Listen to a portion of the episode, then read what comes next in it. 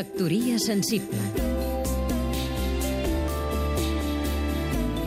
Miquel de Palol, poeta i escriptor El passat dia 11, una banda de fatxes va irrompre agressivament a la delegació de la Generalitat de Madrid.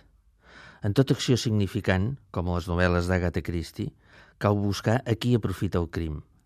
Però en primera instància aquest no aprofita ningú, ni tan sols a la causa catalanista, encara que sigui com a víctima, no és mai positiu aparèixer mediàticament associat a la violència.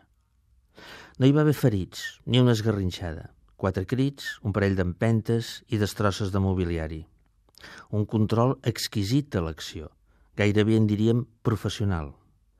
Tant que per trobar el beneficiat cal fer-ho en passiva, cal buscar el més perjudicat, i aquest és el senyor Rajoy, que es troba amb la patata calenta d'haver de punir l'acció, però tampoc amb una gran severitat per no acabar contra la pròpia causa.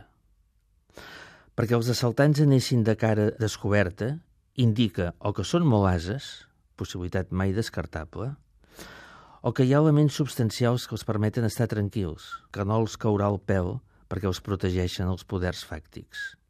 Al cap i a la fi, pel que se'ls sent dir a la filmació, no diuen altra cosa que el mateix que diu el govern, ni una paraula més.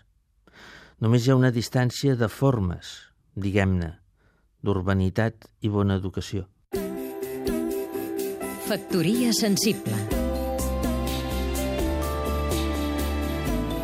Seguim-nos també a catradio.cat